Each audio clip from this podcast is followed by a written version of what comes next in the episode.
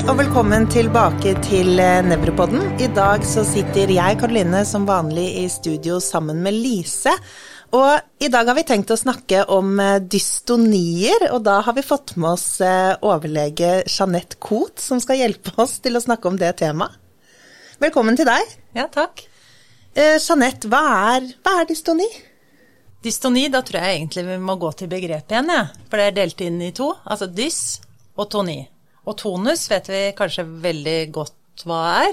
Altså muskelspenning. Og dys betyr feil. Så litt feil Så en feilspenning. Ja.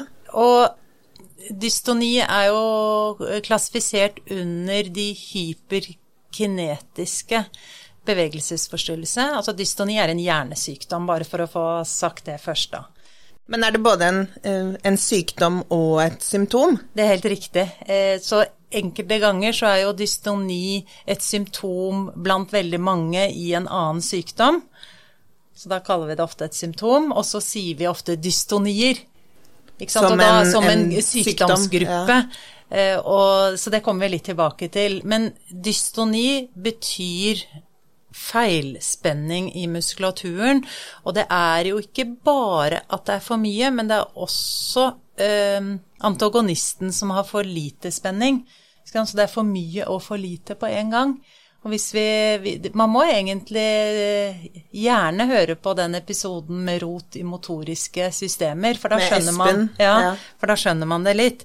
Men så selve definisjonen, så sier man at det er en bevegelsesforstyrrelse kjennetegnet av ufrivillige bevegelser. Og de ufrivillige bevegelsene, de fører til unormale stillinger, repeterende stillinger, eh, eller begge, begge deler. Eh, og de kan som sagt være der vedvarende eller litt episodisk, altså sånn intermitterende. Og klinisk så syns jeg ofte arter seg ganske ulikt. Det kan være veldig vanskelig, syns jeg, å skille noen fra andre bevegelsesforstyrrelser, at det, det, ligner litt. Ja, helt riktig. For da er vi over på ikke sant? Det er jo klassifisert under de hyperkinetiske bevegelsesforstyrrelsene, og hva er de andre? Ja, det er akkurat tenkt å spørre om. Hva, hva er de andre hyperkinetiske? ja, jeg syns noen ganger det kan ligne litt på Noen former for dystoni kan ligne litt på Korea. Ja. De er dansende. De er dansende. Ja, de bevegelsene. Og så har du tics, syns jeg noen kan ligne litt på. Ja, men de skal komme litt bråere. Ja. Mm, og de flytter på seg. Og, og, da er vi over på definisjonen igjen. At eh, dystoni eh, har et typisk mønster, og i alle fall et typisk mønster for hver pasient. Men det er en del ting som vi kjenner igjen med de mønstrene, og de går ofte igjen. Sånn som torticollis. F.eks. en vridning av nakken eh, mot siden. Det er et typisk dystont mønster. En del av de har jo også hodetremor. Det kan av og til være litt vanskelig, men eh, du skal når du, og det, det, diskuterer vi jo veldig mye på sånne bevegelsesforstyrrelsesmøter, og der er man jo av og til uenig, men hvis du har komponenter av vedvarende kontraksjoner, eh, så er det mer en dyston tremor. Men hvis det er helt rytmisk, uten noe som helst eh, vridning eller det vi kaller twisting movements. Jeg pleier ofte å, å, vise det ved å ha med meg twist når jeg skal undervise om dystoni.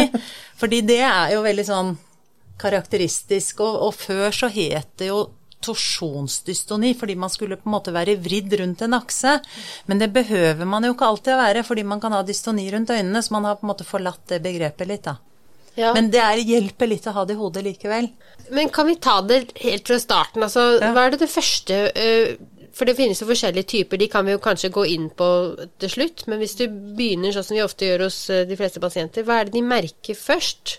Jeg tror jo ikke pasienter har noe begrep om dette selv. Altså, jeg tror ikke de sier at 'oi, jeg har fått dystoni'. Det er et klinisk funn. Ja, det, det er jo noe vi Eh, mener at de har. Så det de sier, er at de har vridende bevegelser, eller at de har kramper eller rykninger, eller eh, Det er vel De kan vel av og til også kalle det tics selv. Eh, fordi de oppfatter at de bevegelsene er ufrivillige. Og de kommer, og de kan ofte Det er jo noe dynamisk ved dystoni hos de aller fleste. At det, eh, at det blir forverret av fysisk aktivitet, at det blir forverret idet de starter en aktivitet. Så kommer den, eller at det blir kanskje litt verre utover dagen når de har brukt kroppen mye. Så, eh, sånn at de, de beskriver det at det er unaturlige stillinger som ikke de styrer selv. F.eks. skrivekrampe, som kanskje kan være lett å forstå, da, at hånden begynner å bevege seg når man begynner fint ut, begynner liksom å skrive, og så begynner det liksom å bøye seg og flektere både i håndledd og i, i, i hendene, da. Er det litt typisk at det, du vil få en forverring av det når du er sliten, eller når du har, du sa når du har brukt eh, kroppen mye i løpet av en dag? Altså, ja, at det, det kan forverre seg. At nettopp at den eh, Døgnvariasjon? At du eller? kan ha døgnvariasjon, eller at du kan eh, få det først når du er i aktivitet. Eh, men så er det jo faktisk noen Så er det veldig Det er det som er så vanskelig med dystoni. Det er noen som da blir verre når de legger seg ned for å hvile også. Så det er jo det er mer de litt mer utypiske dystoniene. Så kanskje, kanskje, det klassiske mønsteret, jeg tror vi kan ta litt tak i det først. Ja, mm. men kanskje vi skal begynne med litt, for det er jo noen ulike former avhengig av hvor de sitter, og altså ja. skiller, ja, Kanskje vi kan bare begynne med å nevne noen av dem, ja. og så gå mer inn på hva som er spesifikt for de ulike? Ja, vi kan gjøre det, for jeg tenker at først så må vi vite litt hvordan dystoni klassifiseres. Og øh, dystoni er som sagt både et symptom og en sykdomsgruppe. Men hvis vi tenker på det som et symptom først, så må man tenke hva er det jeg har um, Hvem har jeg foran meg? Um, når Altså da deler man det inn i sånne kliniske akser. Hva, hva er det jeg ser ja. som lege? Det er akse 1? Ja, det er akse 1. Den kliniske aksen. Og da er det hvor gammel er pasienten. Man deler etter alder. Da kan man sånn veldig grovt regne altså de som er veldig tidligdebuterende, de som er sånn halvtidligdebuterende, og de som er sentdebuterende. Altså 0 til 20, 20 til 40 og 40 til 60, sånn veldig, veldig røffelig.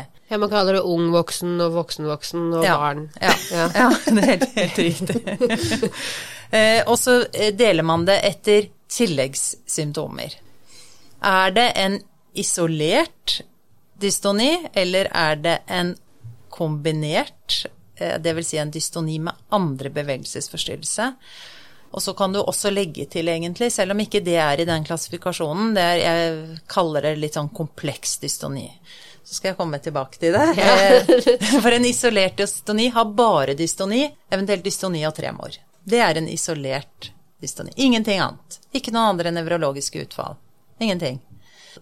Og de ser vi jo veldig mye av. Kan vi si litt om dem? Fordi du nevnte torticollis, men av og det er en rotasjon i nakke?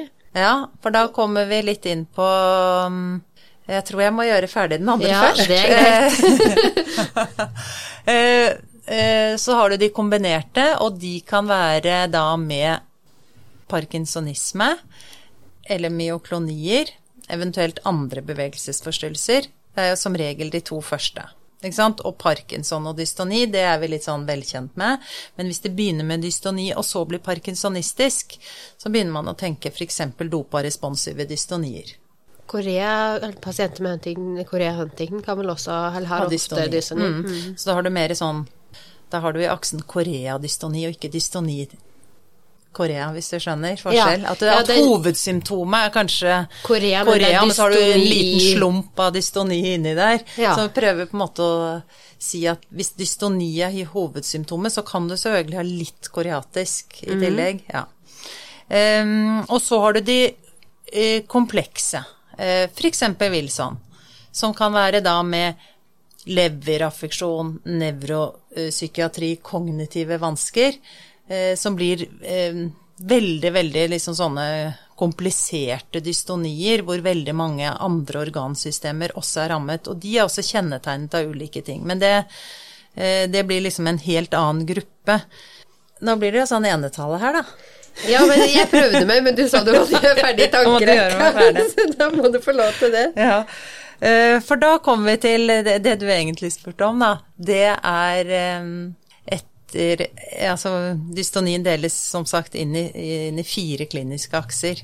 Og da kommer du inn i det du tenkte på, og det er den aksen som heter etter hvor Eller underaksen etter hvor på kroppen dystonien rammer. Ja. Eh, og da har du Da kan du få lov å stille spørsmålet på nytt. Ja, vi, ja for, men hvordan vil du dele inn da, for å forklare det på best mulig måte? Vi skal vi begynne med på en måte nakke med Ja, for da er det de fokale. Ja. Ikke sant? For da har du fokale, segmentale Generaliserte. hem- Hemi først, altså halvsidig. ja. Og så generaliserte. I hvert fall sånn som jeg tenker i mitt hode, da. Ja. Og de fokale kan jo da på en måte være fokale overalt i kroppen. Altså enten én fot eller rundt øynene eller i nakken. Eller en hånd. Eller en Ja. hånd, ja. Ikke sant. Så da kan du ha skrivekrampe, nakkedystoni, rundt øynene som vi da kaller bleforospasme. Oromandibulær, altså hvor det er i Nå viser du, tar du rundt munnen i Tar jeg sted. rundt munnen. Og så deler man Ja, oromandibulær Ja, det blir eh, Jeg må bare tenke meg om. Det er vel en fokal, men hvis du har rundt øynene og munnen, Segmental. så har du faktisk en segmental, fordi at man har delt ansiktet inn i to segmenter over og under nesa. Sånn at hvis du har rundt øynene og rundt munnen, så har du en segmental dystoni. Hvis du har i munnen og i nakken, så har du også en segmental. Så hvor mye skal til før du kaller det en generalisert en, da? Eller en hemi. Hemi halvsidig. Ehm, Vi står i begge armer, én fot og ansikt. Er det da ja, da er det generalisert? Ja. Hmm, og jeg tror to bein og trunkus er også generalisert. Ja. Dette får vi spørre eh, andre Men for om at det skal være hemi, må du ha Hemi halvsidig. Ja, da må Ja. du ha mm, i én arm og, og samme ben Ja. på samme side. Ja. Men eh, ansikt Det er veldig sjelden, da. Sånn at det, det kan vi egentlig bare glemme litt. Ok. Eh, og da har, er det jo masse begreper. Eh, det er det som jeg syns er så vanskelig med dystoni. Det er at, eh, at det kommer opp bare masse nyord ja. hele tiden. Eh, for jeg nevnte jo da oromandibulær dystoni.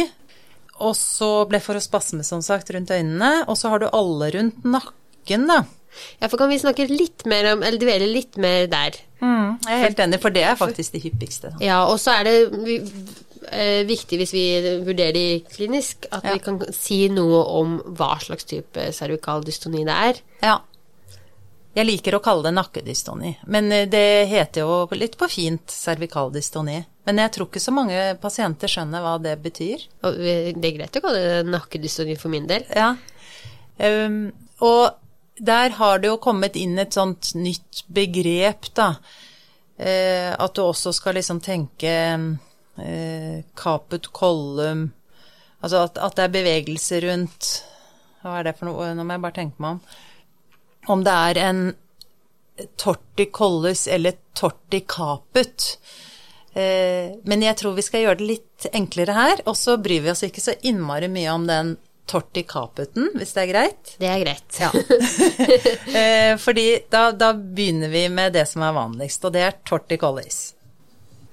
Og da er det hvis du beveger deg og roterer hodet enten til høyre eller venstre. Ja, som du viser nå. Ja.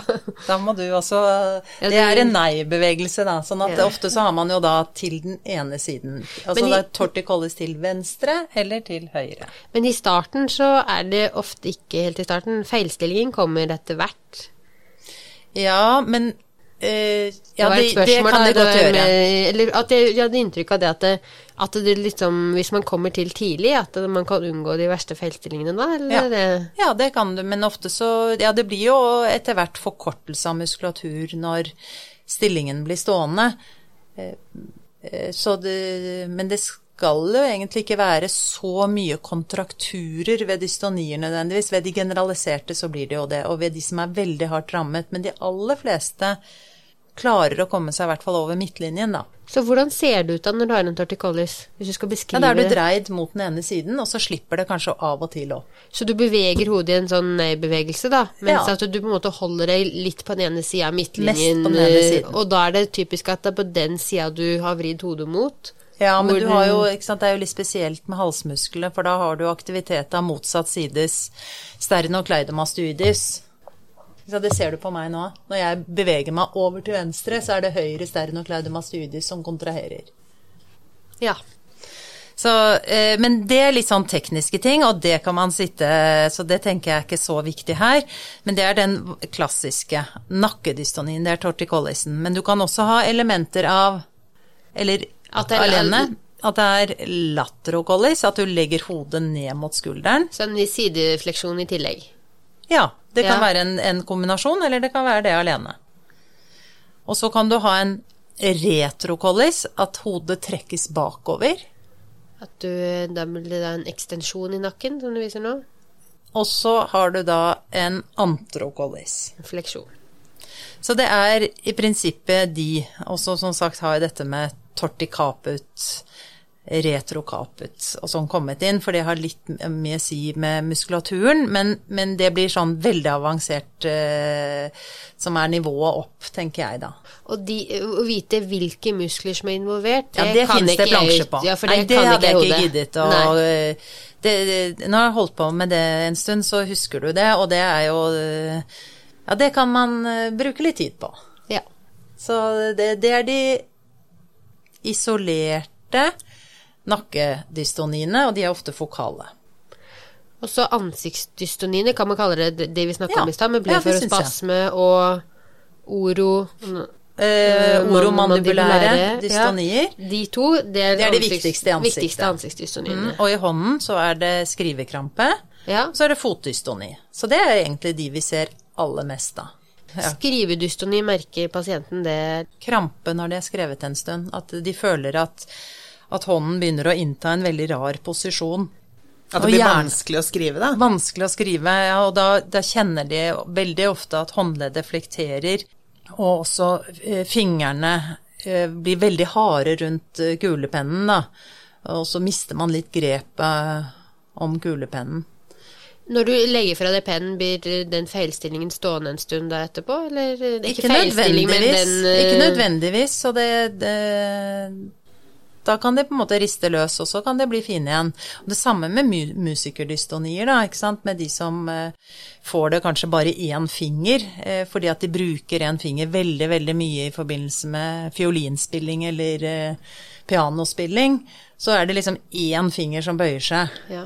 Kan Blir det det- kan riktig det å bety- kalle det feilstilling, som jeg gjorde nå? på en måte? Ja, det blir jo en feilstilling mens de holder på med det, men det er ikke Ja. noe feilstilling ellers. Det er ikke noe vedvarende. Ja, så de kommer kanskje og En sier at bevegelsesforstyrrelse. Ja, bevegelsesforstyrrelse. Men dette du sa med eh, kalte du det? Musikerdystoni? Ja. Men er det Kan dystonien bli trigget av eh, det? Ja. Altså at hvis du spiller masse piano eller masse fiolin, så kan du få en dystoni ja, og det er gjort ganske mye studier på med at man ser at det eh, at fingrene tar større plass eh, i kortikale strukturer, og da blir det en plastisk endring. Og det er jo litt tilbake til dette med gass og brems, eh, fordi dystoni Hva er årsaken til dystoni? Og det er en slags feilsending av signaler fra basalganglene. At det eh, er satt på for lite brems da, på den indirekte banen, Ja. ikke sant? Eh, For det fenomenene som henger sammen med dystoni, er bl.a. overflow-fenomen, sånn at når du da skal gjøre en bevegelse med hånden, så plutselig så blir det liksom en forplantning, og du får liksom større bevegelsesutslag enn egentlig hva du tenkte. Noe av det som gjør at det kan ligne litt på Korea, da. Ja, Ja. helt korrekt. Så det er jo litt de samme på en måte prinsippene, men ikke helt. Fotdystoni, kan du beskrive det? Ja, det er jo at tærne krøller seg, eksempel. ja ja, det ser man, men det ser man jo ofte hos Parkinson-pasienter. Ja, helt riktig. Så det kan de jo ha. De, de, har jo, de har jo en del dystone fenomener. Og det, det er ofte at, de, at øh, tærne flekterer, er det en del som sier, men noen Ja. syns også tå- stortåa særlig kan gå oppover. Helt, helt korrekt. Og så er det en til på den kliniske aksen, og det er hvordan dystonien opptrer over tid og med aktiviteter. For det har veldig mye å si i forhold til hvordan man tenker, hva som også kan være årsaken, som vi kommer til liksom på den neste aksen når vi forlater den kliniske aksen. For da, har, da kan du på en måte si at har du en eh, F.eks. ved musikerdystoni, da, så er det da er det en aktivitetsutløst dystoni, og da har du på en måte dis, eh, diagnosen. Ja. Da er det det, og da er det veldig sjelden noe annet. Eh, Da er det en isolert fokal dystoni eh, som er det vi kaller sporadisk. Blir det har jeg sagt bedre? at Jeg har ikke peiling. På en måte, men da, der har vi jo litt peil, da. Ja. Blir det bedre hvis de da slutter å spille? Ja. Så det er behandlinga der, da, kanskje? Du må slutte å spille? Nei, ikke nødvendigvis, for da kommer vi tilbake til behandling etterpå. Skal vi ta, det må vi ta til slutt, da. Hvis ikke så forvirringen komplett her. Nei da. Nei, nå, til nå har vi jo hatt ganske grei eh, Har dere Ja, for nå har kontroll? vi vært gjennom de fokale dystoniene. Ja, det har vi vært. Vi har jo på en måte sveipet litt innom de generaliserte også, da. Eh, Men de er jo For det første så er de ganske sjeldne. De generaliserte. Ja, og de er jo mer forbundet med genetikk enn de fokale. Så da er vi litt mer over på hva er etiologien til dystoni, når vi er over på de generaliserte. Og det er jo de første som ble beskrevet i litteraturen på slutten av 1800-tallet og 1900-tallet av eh, en som heter Oppenheim. Eh, Og da ble det jo kalt torsjonsdystoni, ikke sant. Og det var jo de som var, ja, og det er jo de som er liksom vridd rundt sin egen akse, og også trunkal vridning. Hvor du ser at de har kjempemye ufrivillige bevegelser, og det er en mismatch mellom for mye aktivitet og antagonisten blir desto svakere. Så det Man klarer jo da f.eks. kanskje ikke å sitte i en stol fordi man er, har en så vridd kropp, da. Når debuterer en generalisert dystoni? Som genetikk? regel tidligere. Ja. Så Fra de- barne, så barnenevrologene ser en del av de her, da. Ja, og de eh, kan begynne med en fotdystoni, og så sprer det seg. Ja, for det tenkte jeg også, um, det du nevnte med anoneseopptak i stad. Ja. Hvor raskt eh, Altså, er det sånn at det alltid gradvis utvikler seg gradvis, eller kan det komme akutt, eller Alt. Alt- Ja, Men, men eh, hvis, eh, hvis du sier Du har faktisk en form som heter rapid onset dystonia parkinson, som kan komme i løpet av eh, natta eller eh, en eller annen dag, eller bli utløst av et eller annet. Eh, Veldig, veldig sjelden. Men de aller fleste utvikler seg mer over uker og måneder, da. Og hvis det kommer akutt, så bør man vel tenke at det er noe som er eh, At f.eks. gå gjennom medikamentlista, eller eh, Det er helt, helt riktig, for da har jeg veldig lyst til å begynne å snakke om eh, årsaker, da. Ja, vi kan tenke vi kan gjøre det, og så kan vi komme litt tilbake til litt, for vi vil jo gjerne ha litt kliniske tips av deg når det gjelder undersøkelse og sånn, da. Men vi kan jo oppsummere det til slutt, kanskje? Ja, det kan vi jo gjøre. Eh, For årsaker til dystoni, da, da må vi gjennom eh, det som jeg kalte Midnighta. Ja, Midnighta. Eh, Akronym, egentlig, så heter det da helt korrekt, da. Mnemonic. Altså sånn eh, medical huskeregel. Eh, Og det er jo det vi egentlig sier at Midnighta er, da. For det er jo ikke et veldig vanlig brukt akronym Nei. egentlig. Men det kan være metabolske årsaker, det kan være inflammatoriske, eh, infeksiøse årsaker, degenerative årsaker, neoplasme, det er ikke så veldig hyppig. Eh, om jeg tenker meg om, eh, G, genetikk, blødninger, altså vaskulære årsaker, G, H, I, eh, Inflammasjon. inflammasjon og iskjemi, ja, hemorragi, toksisk og traume. Så jeg må liksom alltid sitte og tenke. Og hvis vi tar de aller, aller hyppigste, så eh, eh, grunnene til dystoni, så er jo det medikamentutløst. Psykofarmaka og kvalmestillende. Det er kanskje de som er vanligst. Og så er det mm, Hvilke typiske medikamenter da? ja, Afipran, for eksempel, da. Ja da, med kvalmestillende. Men jeg tenker, disse andre Litt gammeldags eh, nevroleptika. Da kaller man det tardiv dystoni, da. Tar, det, ja, det er godt at du sier. Man sier jo ofte tardive dyskinesier. eh, Og hva er det egentlig dyskinesi betyr, da? Jeg har sagt at nå beveger vi oss i hyperkinetiske bevegelsesforstyrrelser. Og så sier man ja, hva er det vi har å ta av der? Jo, vi har korea, dystoni, um, ballisme, atetose. Stort sett det.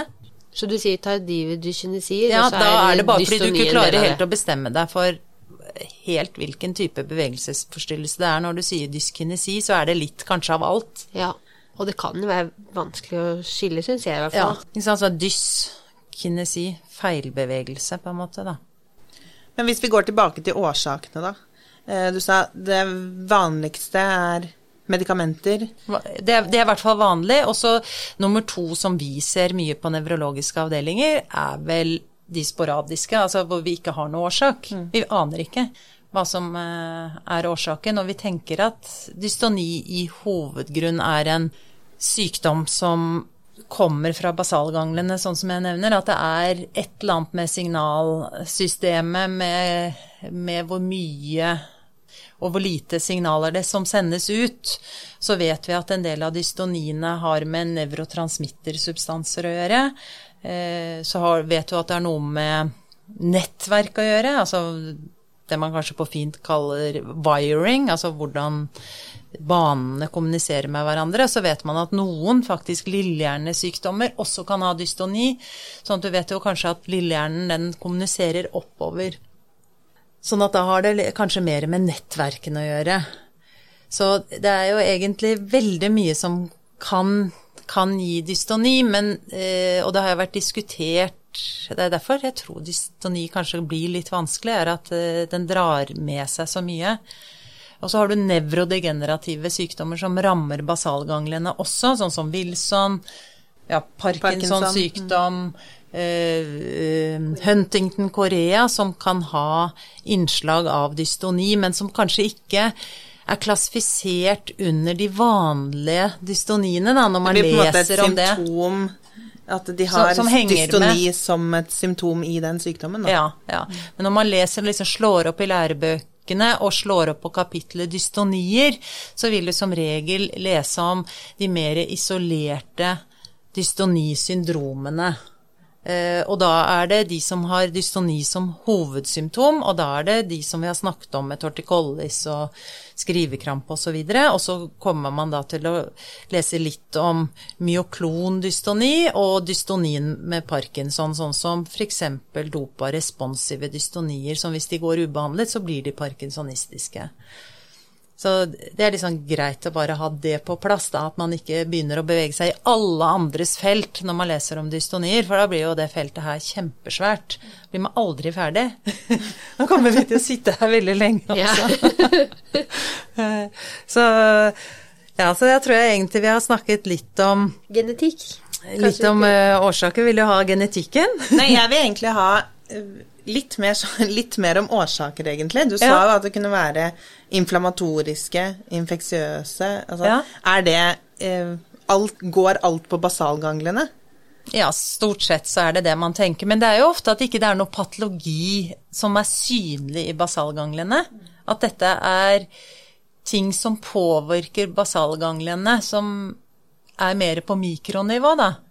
Finner man noe ut av det? Altså, hvis du får en pasient eh, med dystoni, da, ja. og så du, klarer du da å finne årsaken? Nei. Hvis du plutselig så... hvis, du ikke, hvis, det ikke er medikamenter, du har utelukket eh, Afipran, du ja. har utelukket disse antipsykotikaene ja.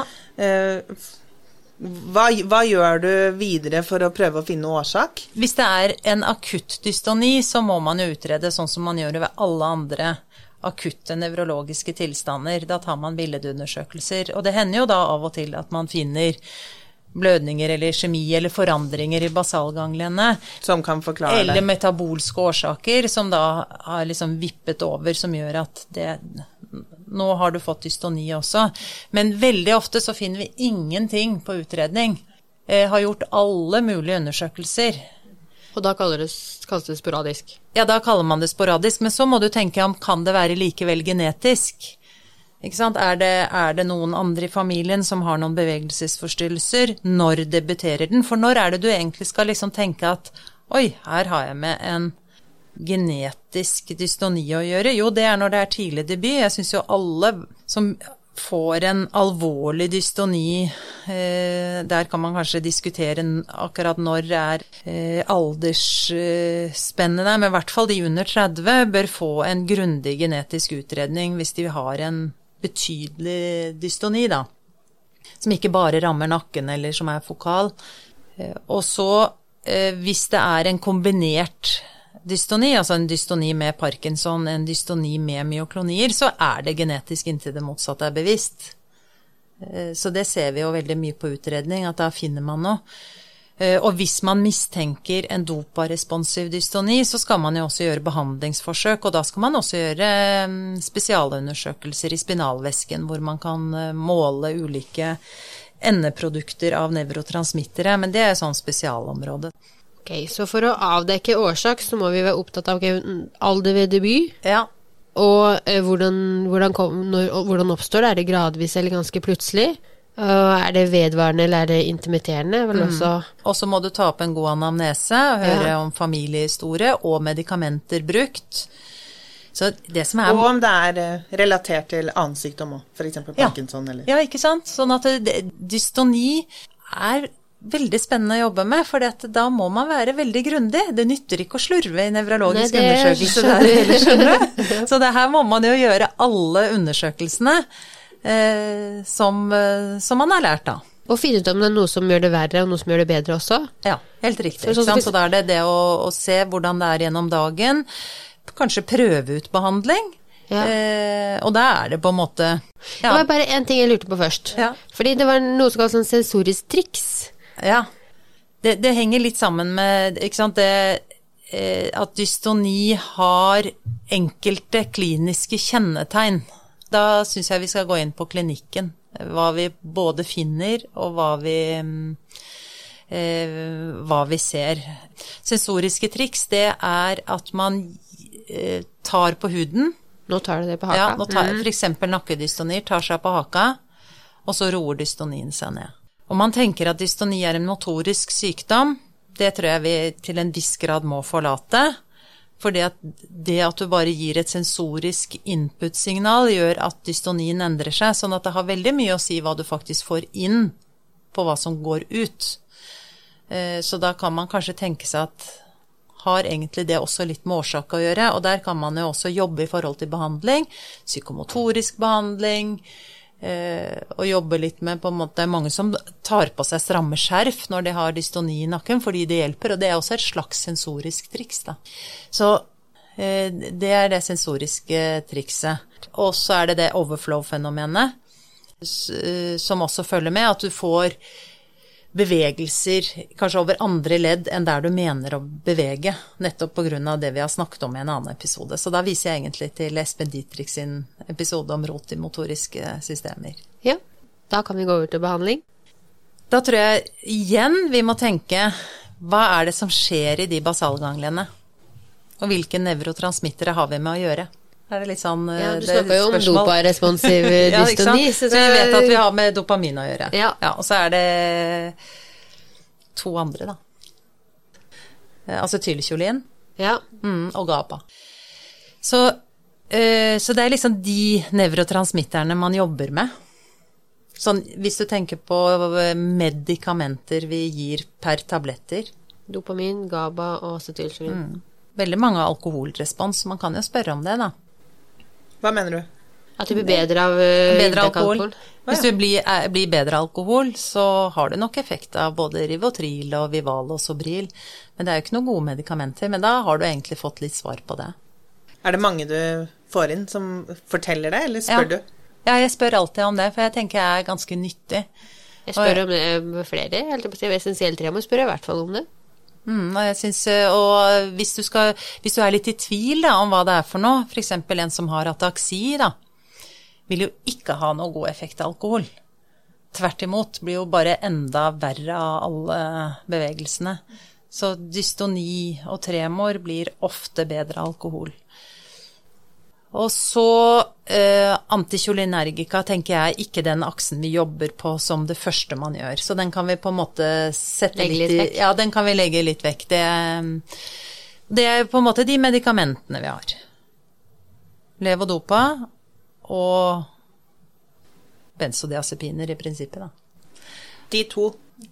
Eh, Og så har man en annen da, som vi ofte gir hvis det er mye skjelving involvert. Og det er jo betablokker, og det er jo kanskje bare for å roe ned systemet litt hvis man merker at man blir veldig stresset i situasjoner. Og så er det jo annen veldig effektiv behandling, da, og det er botulinumtoksinbehandling, eh, som egentlig ikke gjør noe med årsaken, men som behandler endeproduktet, tenker jeg da. Altså behandler en, den endringa av tonusen i muskulatur? Ja, helt riktig. Ikke sant? Som virker lammende på muskulaturen. Hvor det da er kjempeviktig å kartlegge hvilken muskler er for aktive, og så må man jobbe med fysioterapi ved å styrke de musklene som er for svake, antagonisten. Ikke sant? Så når vi da lammer de for aktive, så trener de opp de svake. Og så kan man klare å rette opp hodet f.eks. ved en torticollis. Så målet er på en måte å finne, eller skape, gjenopprette balansen igjen? Helt korrekt. Ja. Mm, og da er jeg litt tilbake til eh, det, vi, det jeg sier når jeg eh, brukte fire kategorier på hvordan jeg tenker på sykdommer. ubalanse. ja, ubalanse. Dette er en, en sykdom med ubalanse. En endret på en måte slags likevekt, da. Ja. De skal ta mm. tilbake likevekten. Ja. Så det blir jo en, en symptombehandling, da. Du behandler jo Bare, symptomene ja. til, eller plagene.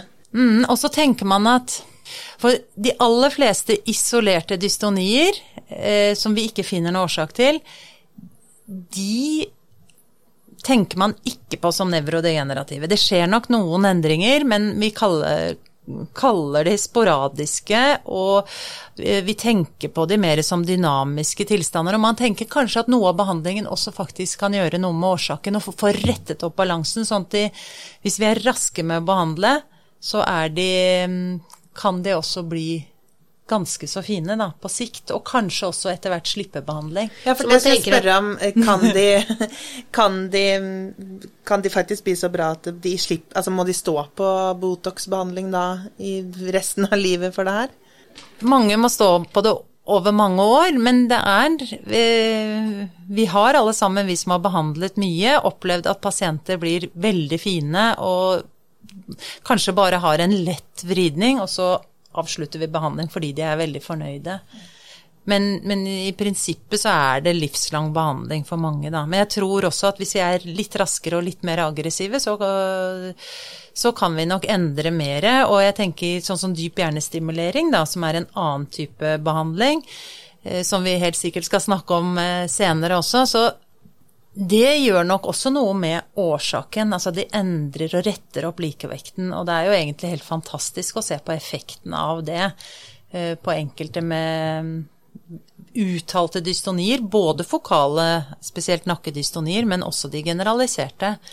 Men hvor starter du? Hva er det du starter med uh, av behandling? Du uh, Første, de... Førstevalg vil jeg si er botulinumtoksin.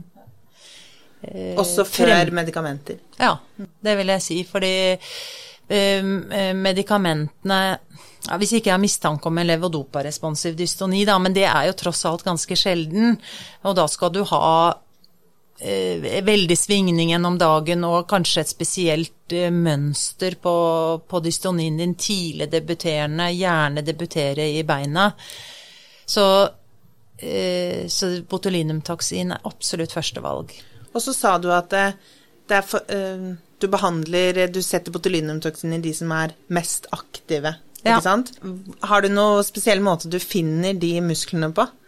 Hvordan vet du akkurat at det er den muskelen i, i nakkedystoniene f.eks.? Ja, det går på de mønstrene, da. Så hvis det er en torticollis, så vet jeg at vi starter i sternocleidomastoidus hvis det er en torticollis mot venstre, så er det høyre sternocleidomastoidis og venstre splenius capitis. Det, det står på sånne plansjer, det. Det er laga en sånn dystoniveileder som det er link til på Nevronell. Og der står det på en måte under torticollis, så mener jeg det står forskjellige typer muskler som ofte er ja. aktuelle. Og så er det, vet jeg mange lurer på det her Hvor mye setter du? Ja, som en veldig sånn røff eh, regel, så setter man 50 enheter botulinumtoksin av type um, Seomin eller Botox i en muskel. Eh, så, og, så er, og, det er jo da på kanskje litt større muskler, sånn som sternocleidomastoidus. Og første gangen jeg har en nakkedystoni, så setter jeg kanskje 30-40 enheter i muskelen som en start. For det hender enkelte veldig slanke damer, eh, eller menn, som, uh, som, har litt tynnere muskler òg, de tåler ikke så mye, og da kan de miste Altså da kan ha, det bli for effektiv behandling, så da blir de lamme. Så da kan de, ja, det kan de få. Det er greit å titrere seg litt oppover, da. Og hvor ofte? Eh, hver måned, eller hver tredje måned? Riktig, det siste. Cirka hver tredje måned.